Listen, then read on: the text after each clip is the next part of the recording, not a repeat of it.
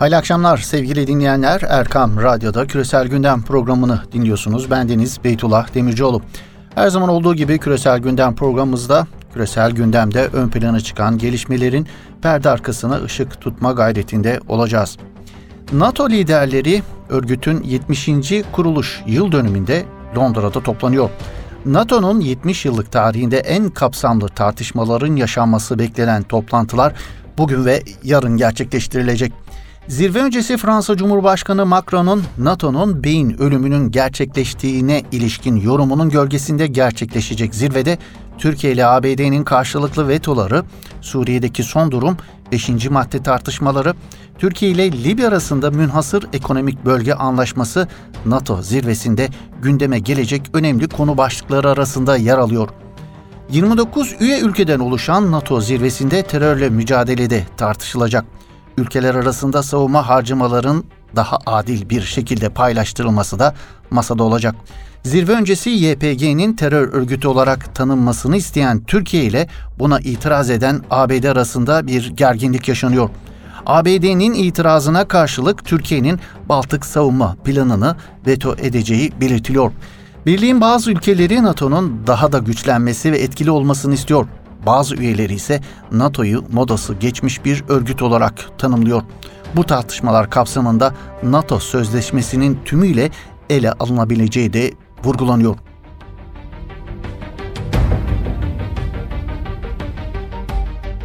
Fransa Cumhurbaşkanı Macron'un İngiliz The Economist dergisine verdiği mülakatta NATO'yu beyin ölümü gerçekleşmiş bir ittifak olarak nitelendirmesi zirvede önemli bir gerilimin kaynağı olacak gibi duruyor sevgili dinleyenler. Zirvede bir diğer gerilim noktasının da ABD Başkanı Trump'ın alacağı tutum olması bekleniyor başkanlık görevine gelmeden önce NATO ile ilgili olumsuz tutumunu saklamayan Trump, Brüksel'de yapılan son NATO zirvesinde de Avrupalı müttefiklerine savunma harcamalarını gayri safi milli hasılalarının %2'sine çıkarmaları için baskı yapmıştı. Avrupa Birliği ülkeleri aradan geçen zaman zarfında savunma harcamalarını yükselttiyseler de Trump'ın bu olumlu gelişmeden memnuniyetini mi ifade edeceği yoksa yetersizliğe mi vurgu yapacağı bilinmiyor.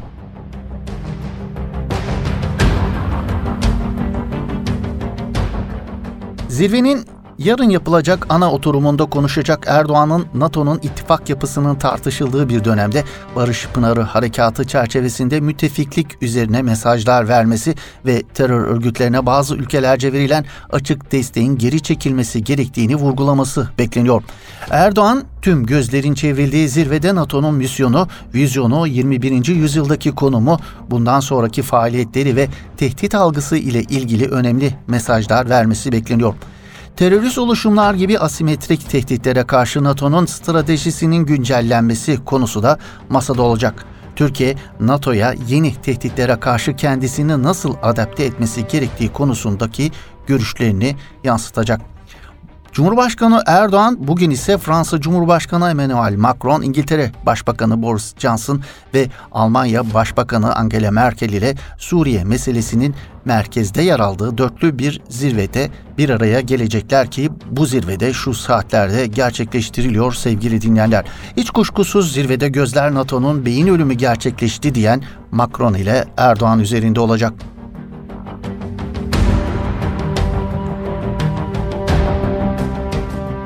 Türkiye'nin Doğu Akdeniz'de attığı adımlar ve Libya ile yaptığı anlaşma sonrasında Yunanistan konuyu NATO'ya taşımayı düşünüyor.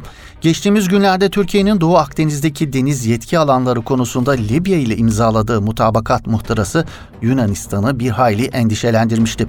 Yunanistan Başbakanı Kirkos Mitsotakis zirvede NATO'dan Türkiye'ye kınama talep edeceği belirtiliyor. Yunan Dışişleri Bakanı pazar günü Kahire'de konuyu Mısırlı mevkidaşı ile de görüşmüştü. Malum Türkiye ile Libya arasında imzalanan deniz yetki alanları ile ilgili mutabakatla birlikte Yunanistan ve Güney Kıbrıs'ın Türkiye'yi 41 bin kilometre karelik bir alana hapsetme girişimleri sonuçsuz kalmıştı. Peki Atina'nın NATO'da yapacağı şikayet Türkiye'yi etkiler mi? Yeni Şafak'tan Hasan Hız'a konuşan savunma politikası analisti Turan Oğuz, NATO'nun kuruluşu gereği zaten kendi üyelerine karşı bir şey yapamadığının altını çiziyor. Bu sebeple Atina yönetiminin NATO'dan değil ama NATO'yu oluşturan üyelerin Türkiye'yi kınamasını isteyebileceğini belirtiyor. Küresel gündem. NATO kurulduğu günden bu yana tartışılan bir örgüt. 1949 yılında Sovyet tehdidine karşı kurulan NATO'ya biraz daha yakından bakalım sevgili dinleyenler. NATO, Türkçe açılım ile Kuzey Atlantik İttifakı örgütü. Dünyanın en güçlü bölgesel savunma ittifakının 9 Nisan 1949'da kurulduğu zamanki misyonu, İkinci Dünya Savaşı sonrası Sovyetler Birliği'nin Avrupa'daki etkisini artırma yani komünizm tehdidinin yayılmasına karşı çıkmaktı. NATO'nun karşısına SSCB ve Doğu Bloğu ülkeleri ise 1955'te Federal Almanya'nın NATO'ya alınması üzerine Varşova Paktı'nı çıkardılar. Böylece Soğuk Savaş olarak anılan ve 1991'de Varşova Paktı'nın kendini lağvetmesine kadar süren kutuplaşmada NATO Kızıl düşmana karşı hep teyakkuz halinde oldu. SSCB ve Doğu bloğunun dağılması ve Soğuk Savaş'ın sona ermesiyle varlığı ve hedefleri tartışma konusu olan NATO, kendine yeni tehditler ve görev sahaları arayışına girdi. Çok geçmeden de bu tehdit bulundu. Fundamentalizm. Fundamentalizm en az komünizm kadar tehlikelidir. Lütfen bu tehlikeyi küçümsemeyin. NATO askeri ittifaktan daha fazla bir şeydir. Kendisini Kuzey Amerika ile Avrupa'yı birbirine bağlayan uygarlığın temel ilkelerini savunmaya adamıştır. NATO Genel Sekreteri Willy Klaes, 2 Şubat 1995 tarihinde Alman medyasında yer alan bu ifadeleriyle NATO'nun yeni tehdit algısını resmi ağızdan açıklamış oldu. ABD'nin haber dergisi Nisfik, Willy Klaes ile aynı kaygıları paylaşma sadedinde aynı tarihlerde şunları yazıyordu. Asıl mesele Avrupa'ya gelen göçmenlerin sayısının fazlalığında değil, İslam'da. İslam'ı asimile etmek çok zor diyerek NATO için yeni tehditin neresi olması gerektiğinin altını çiziyordu ABD'nin haber dergisi Newsweek.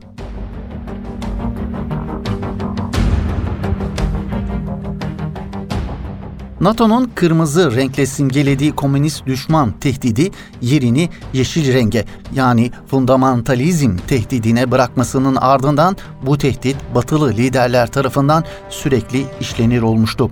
Bir başkan NATO Savunma Bakanları toplantısında Fransız bakan NATO'nun kendisini İslamcı fundamentalizmden gelen tehdidi caydırmaya göre yönlendirmesi gerektiğini dile getirmişti mesela.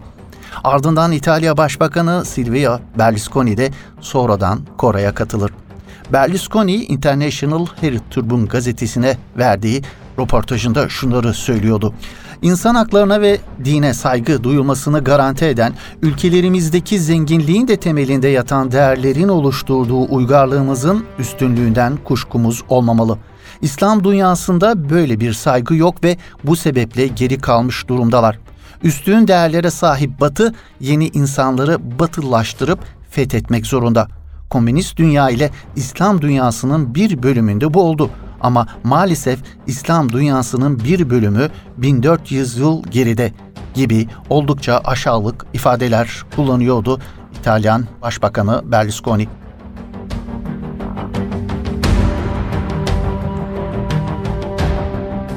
Varşova Paktı'nın yıkılmasının ardından NATO'nun İslam'ı hedef haline getirdiği bu yeni tehdit algısı ve yeni konseptinin sonuçları hemen olmasa da zamanla ortaya çıktı.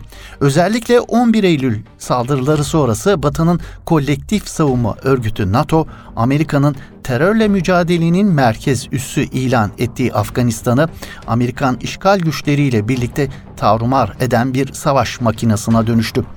Amerika'nın yanında Afganistan'ı kan gölüne dönüştüren NATO varlık nedeni çok daha sorgulanan, çok daha eleştirilen bir örgüt haline geldi. Kanada eski Genelkurmay Başkanı ve Afganistan'daki NATO kuvvetlerine 2004 yılının Şubat-Ağustos ayları arasında komutanlık eden General Rick Hellier, Afganistan batağı NATO'nun çürüyen ceset olduğunu gözler önüne serdi diyerek NATO'nun hali pür melalini çok net ifadelerle ortaya koymuştu.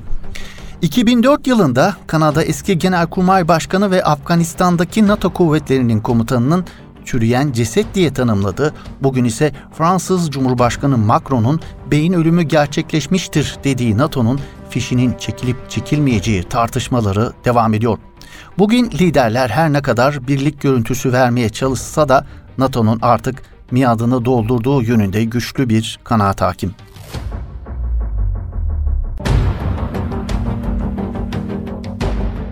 70. yılına giren NATO'nun misyonunun sorgulanması ve içine girdiği krizler yeni olmamakla birlikte varlığının en yetkili ağızlardan tartışılır hale gelmesi tek kutuplu dünyanın çöküşünde sona gelindiğinin habercisi olarak da nitelendiriliyor. ABD merkezli uluslararası sistem çökerken ABD'nin Avrupa Birliği ülkeleri dahil müttefikleri kendi güvenliklerini garanti altına alacak adımlara daha acil ihtiyaç duyuyorlar. Avrupa Birliği NATO'dan bağımsız bir savunma örgütlenmesi ihtiyacını daha sıcak hissediyor. Bu kapsamda Almanya ve Fransa'nın attığı bazı adımlar olmakla birlikte henüz bir mesafe kat edilmiş değil. Kısa vadede hayata geçmesi de mümkün görünmüyor. NATO müttefikleriyle yaşadığı güven bulanımı sebebiyle Türkiye'de NATO zirvesinin tartışmalarının göbeğinde olacak ülkeler arasında ön plana çıkıyor. NATO başkentlerinde Türkiye'nin ittifak içinde kalıp kalmaması tartışmaya açılırken NATO liderler zirvesine günler kala ittifak içinde yaşanan YPG-PKK krizi ayrışmanın boyutunu da gözler önüne seriyor. İsrail medyasından Hares'te önceki gün yayınlanan şu anda NATO'nun en büyük tehdidi Trump değil, Türkiye başlıklı makale Atlantik cephesinin Türkiye'ye bakışını net olarak özetliyor adeta. Financial Times'ta yayınlanan NATO'nun ortak amacı yeniden kurgulanmalı başlıklı başyazıda da Macron-Erdoğan tartışmasına değindikten sonra şöyle deniliyor. Türkiye'nin kendisi ittifak için Macron'un dikkatsiz sözlerinden daha büyük bir zorluk teşkil ediyor. Barış Pınarı Harekatı ve Rusya'dan S-400 alması nedeniyle Türkiye'yi eleştiren başyazı şu satırlarla devam ediyor. NATO müttefikleri için bu haftaki zirveyi Cumhurbaşkanı Erdoğan'a sert bir mesaj vermek için kullanmaları iyi olacak. Türkiye müttefiklerine danışmadan geniş kapsamlı kararlar alırsa NATO'nun otomatik savunmasını göreve çağırmayı da bekleyemez deniliyor.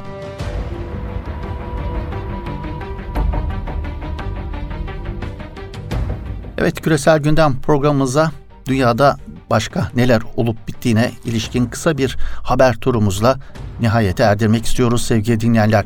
Libya özellikle Libya Ulusal Mutabakat Yönetimi Suudi Arabistan, Birleşik Arap Emirlikleri ve Mısır'ın hedefindeki yönetimlerin başında geliyor. Bu üçlü uzun zamandır Trablus hükümetini bitirmeye çalışıyor. Libya'nın doğusundaki silahlı güçlerin lideri Halife Hafter'e destek veren üçlü, Libya'nın uluslararası alandaki tek resmi temsilcisi olan Ulusal Mutabakat hükümeti Başkanlık Konseyi'nin tanırlılığını bitirmeye çalışıyor. Libya'da yayın yapan El Ahrar televizyonun haberine göre Hafter'e destek veren ülkeler bu kapsamda ulusal mutabakat hükümetini Libya'nın meşru temsilcisi olarak tanımayı bırakacağı ve Arap Birliği, İslam İşbirliği Teşkilatı ve Afrika Birliği'ni de bu yönde adım atmaya çağıracağı belirtiliyor. El Ahrar televizyonunun haberinde ayrıca Hafter'e destek veren ülkelerin ulusal mutabakat hükümetinin tanınırlılığını bitirmeye yönelik bu girişme Türkiye'nin Libya ile imzaladığı mutabakat zaptı sonrası hız verdiğine işaret ediliyor. Daha önce de bölge basınında yer alan bazı haberlerde Hafter'in destekçileri arasında yer alan Mısır, Suudi Arabistan ve Birleşik Arap Emirlikleri'nin Libya'nın eski Birleşik Arap Emirlikleri Büyükelçisi Arif En Nait liderliğinde oluşturulacak yeni bir hükümeti Libya'da yönetime getirmeye hazırlandığı ileri sürülmüştü. Türkiye ile Libya Ulusal Mutabakat Hükümeti arasında 27 Kasım'da güvenlik ve askeri işbirliği mutabakat muhtarası iki ülkenin uluslararası hukuktan kaynaklanan haklarını muhafazasını hedefleyen deniz yetki alanlarının sınırlandırılmasına ilişkin mutabakat muhtarasında imzalamışlardı. Birleşik Arap Emirlikleri'nin Şam maslahat güzarından katil Esed'e övgü. Birleşik Arap Emirlikleri'nin Şam maslahat güzarı Abdülhakim En-Naimi 1 milyondan fazla vatandaşını katleden 10 milyondan fazla vatandaşını da mülteci durumuna düşüren Suriye rejiminin başı Esed yönetimine övgüler yağdırdı. Moskova merkezli Rusya El Yom internet sitesinin haberine göre Naimi ülkesinin bağımsızlığını kazanmasının 48. yıl dönümü dolayısıyla Birleşik Arap Emirlikleri'nin Şam Büyükelçiliğinde düzenlenen resepsiyonda konuştu. Ülkesinin Esed rejimine yönelik politikasındaki değişime işaret eden Naimi, Birleşik Arap Emirlikleri ve Suriye arasında güçlü, sağlam ve ayrıcalıklı ilişkiler var ifadelerini kullandı. Esed rejiminden ferasetli bir yönetim olarak söz eden Naimi, Suriye'nin tamamında güvenlik ve istikrara ulaşılmasını temenni ettiklerini de vurguladı.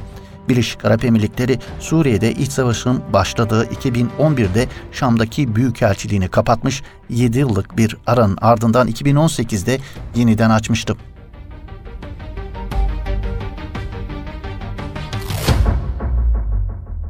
Tunuslu Bakan'a tepkiler yağıyor. Tunus Turizm Bakanı Trablusi'nin İsrail'de yaşayan Tunuslu Yahudilere vatandaşlık verilsin çağrısı ülkede büyük tepkilere yol açtı. Halk cephesi liderlerinden Hemmami, bakanın açıklaması çirkin bir adım derken Halk Hareketi milletvekillerinden Krişi de İsrail'le normalleşme ihanettir yorumunda bulundu ve bakanın görevden alınmasını istedi.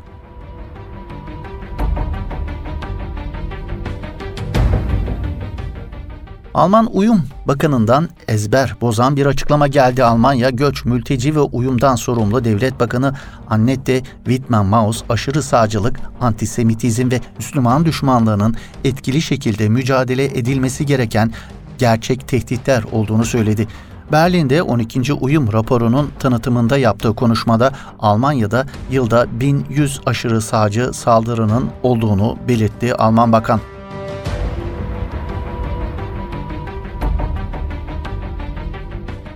El Eser Şeyhi de Sisi'ye bayrak açtı. Sevgili dinleyenler Mısır'daki El Eser Üniversitesi'nin şeyhi Ahmet El, El Tayyip, darbeci Sisi rejiminin medya aracılığıyla ülkenin en büyük dini merkezini hedef aldığını söyledi.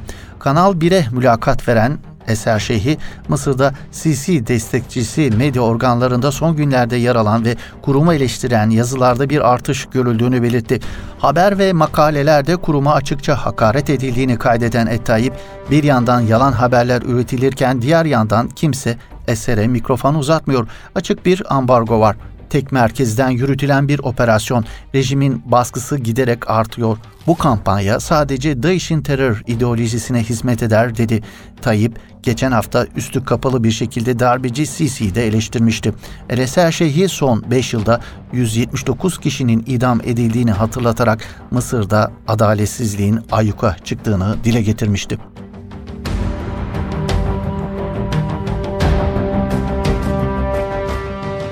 Evet, dünyadan derlediğimiz bu kısa haber turumuzla bugünkü küresel gündem programımızın böylelikle sonuna gelmiş bulunuyoruz sevgili dinleyenler.